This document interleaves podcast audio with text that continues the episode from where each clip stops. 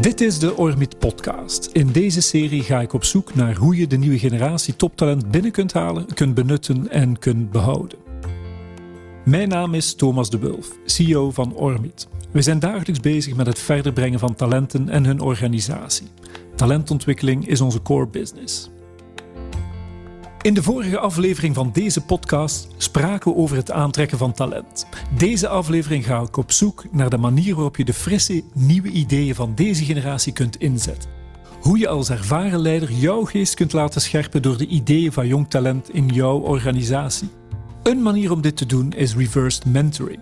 Hierbij worden ervaren leiders gekoppeld aan jonge talenten uit de organisatie. Het doel van het programma is is eigenlijk om die gesprekken plaats te laten vinden.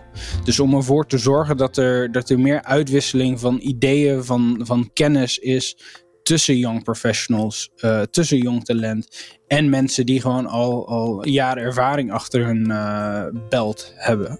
Dit is Viros Reinders. Hij is een oud ormiter en na zijn traineeship bleef hij bij Philips werken. Naast zijn werk als business consultant coördineert hij het Reverse Mentor programma. Uh, het oude mentorschap, dat kijkt heel erg naar, oké, iemand heeft heel veel ervaring. Wat kan diegene nu aan, aan nieuwe mensen in het bedrijf leren, zodat het bedrijf kan lopen zoals het eigenlijk altijd heeft gelopen. Je, brengt dezelfde ervaring over. En met reverse mentoring, omdat je dat uh, reverse erin zet, flip je dat idee. Dus je gaat ook kijken naar, oké, hoe kunnen we nieuwe ideeën, ideeën van jonge mensen, um, het bedrijf in krijgen. Deze uitwisseling van ideeën tussen jong talent en de leiders van een organisatie is ook volgens leiderschapsexpert Jesse Segers een heel goede manier om de beste ideeën naar boven te laten komen. Hij gelooft niet dat dit per se te maken heeft met het verschil in generaties. Hij gelooft veel meer in leeftijdseffecten. Die gaan nog veel verder dan levensfase, maar werken door tot in het type intelligentie dat je nodig hebt. Dat is namelijk dat die jongeren uh, die zijn veel meer technology-minded, wordt dan gezegd. En dat is waar, maar dat heeft met hun leeftijd te maken. Want ik ben nu 40, maar ik kon wel de videorecorder programmeren en mijn ouders niet. En zo kan ik nog wel enkele andere voorbeelden geven dat het altijd de jongeren zijn die als eerste met technologie mee zijn. En aangezien technologie steeds dominanter wordt uh, op de werkvloer, valt het ook meer op dat zij daar goed in zijn en krijgen ze dus informeel meer macht. Uh, uh, ICT wordt steeds strategischer. Hè? Dat is ook een hele discussie over ICT en moet de CEO of de CIO dat kennen enzovoort. Ehm, dat gezegd zijnde, de reden waarom dat, dat, waarom dat jongeren daar goed mee zijn, heeft te maken met een soort intelligentie. Er zijn verschillende vormen van intelligentie, maar de makkelijkste tweedeling is fluïde intelligentie. Dat is namelijk met nieuwe dingen, nieuw, nieuwe informatie, nieuwe dingen doen. En daar zijn jongeren heel goed in. Bijvoorbeeld wiskunde is een typisch iets dat uh, op uw fluïde intelligentie werkt. Dat is ook de reden dat iedereen die een Nobelprijs wiskunde of fysica wint, uh, dat wint voor een uitvinding als ze in begin twintig waren. ook Einstein. Uh, zijn relativiteitstheorie was als hij begin twintig was. Terwijl de andere soorten intelligentie, dat is namelijk gekristalliseerde intelligentie, dat is meer ervaringsgerichte intelligentie, dat is via opleidingen kan je dat soort intelligentie ook opdoen. Zoals taal uh, piekt typisch rond onze, dus verbale intelligentie piekt typisch rond onze midden 50, 60. Dat is ook de reden dat de Nobelprijs literatuur nooit aan een jonge gast of vrouw gegeven wordt van 20, maar altijd aan de mensen die dan hun opus, magnus opus schrijven als ze 55 of 60 zijn. En het is die twee samenbrengen die wel boeiend kan zijn. Net omwille van de eerste context die je schetst, een crisis, veel verandering enzovoort, gaat namelijk die ervaringsgerichte kennis van die ouderen, die veel en veel meer toelaat om patronen te zien van wat is hier nu aan het gebeuren in die chaos, is een goede zaak. Maar langs de andere kant, die jongeren die met nieuwe informatie snel nieuwe dingen kunnen doen. Of dat dan nu ICT is, of gewoon nieuwe informatie op de werkvloer. Die twee werelden samenbrengen, zou eigenlijk uh, de, de, het summum van de kracht zijn uh, om in een organisatie te kunnen benutten. Uit de praktijk heeft Firos Reinders, die dit bij Philips coördineert, een succesvol voorbeeld van een reversed mentoring traject. Het ging om een director die niet wist hoe hij een andere voor hem onbekende markt moest benaderen. Die wist niet helemaal hoe die het aan moest pakken. Er was een beetje eh, met zichzelf aan het struggelen, met zijn team ook aan het struggelen, hoe ze daar beter in konden komen. En via reverse mentoring zei hij: Ik wil een match met een, een jong iemand, ehm, ook iemand van het andere geslacht.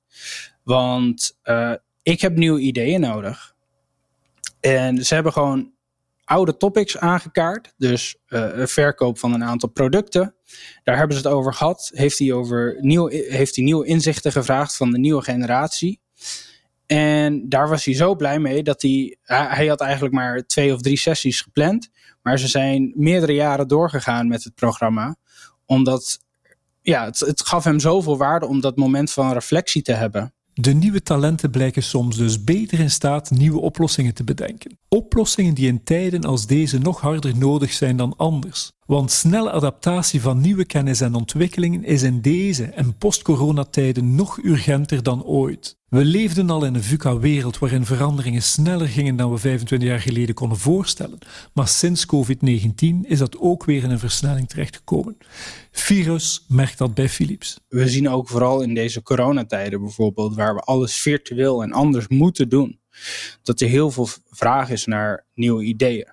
Dus we krijgen ook um, veel input van uh, human resources bijvoorbeeld, om samen met ons te gaan werken en, en de fundamenten die wij al hebben te gaan gebruiken om het verder te brengen. Om meer leiders um, involved te krijgen, dus betrokken te krijgen binnen in het programma. Je ziet gewoon echt een, een constant groeiende vraag naar het leren, leren voor uh, beide generaties. Er is dus grote vraag naar nieuwe ideeën voor problemen die we eerder niet kenden.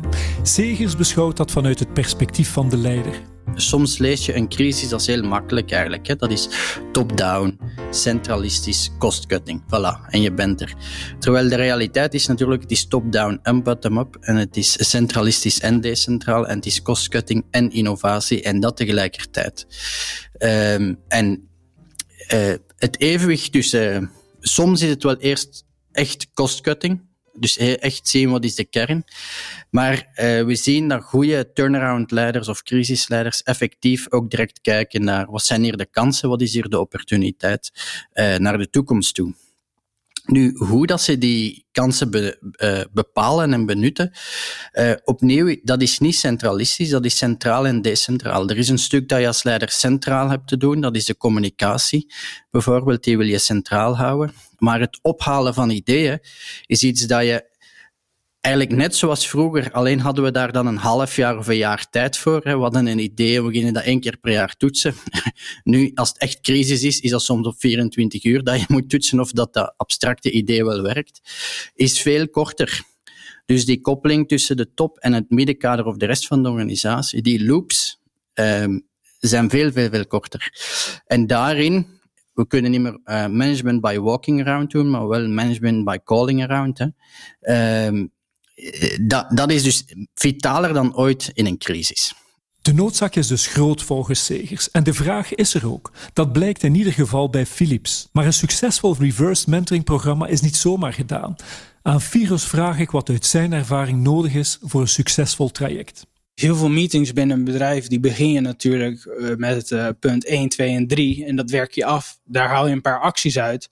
En um, everyone goes on their jolly way. Maar dat proberen we hier ook heel erg te vermijden. We proberen natuurlijk wel uh, te, te zeggen dat, dat uh, koppels een goal, doel moeten stellen. Ze moeten wel echt proberen ergens aan te werken.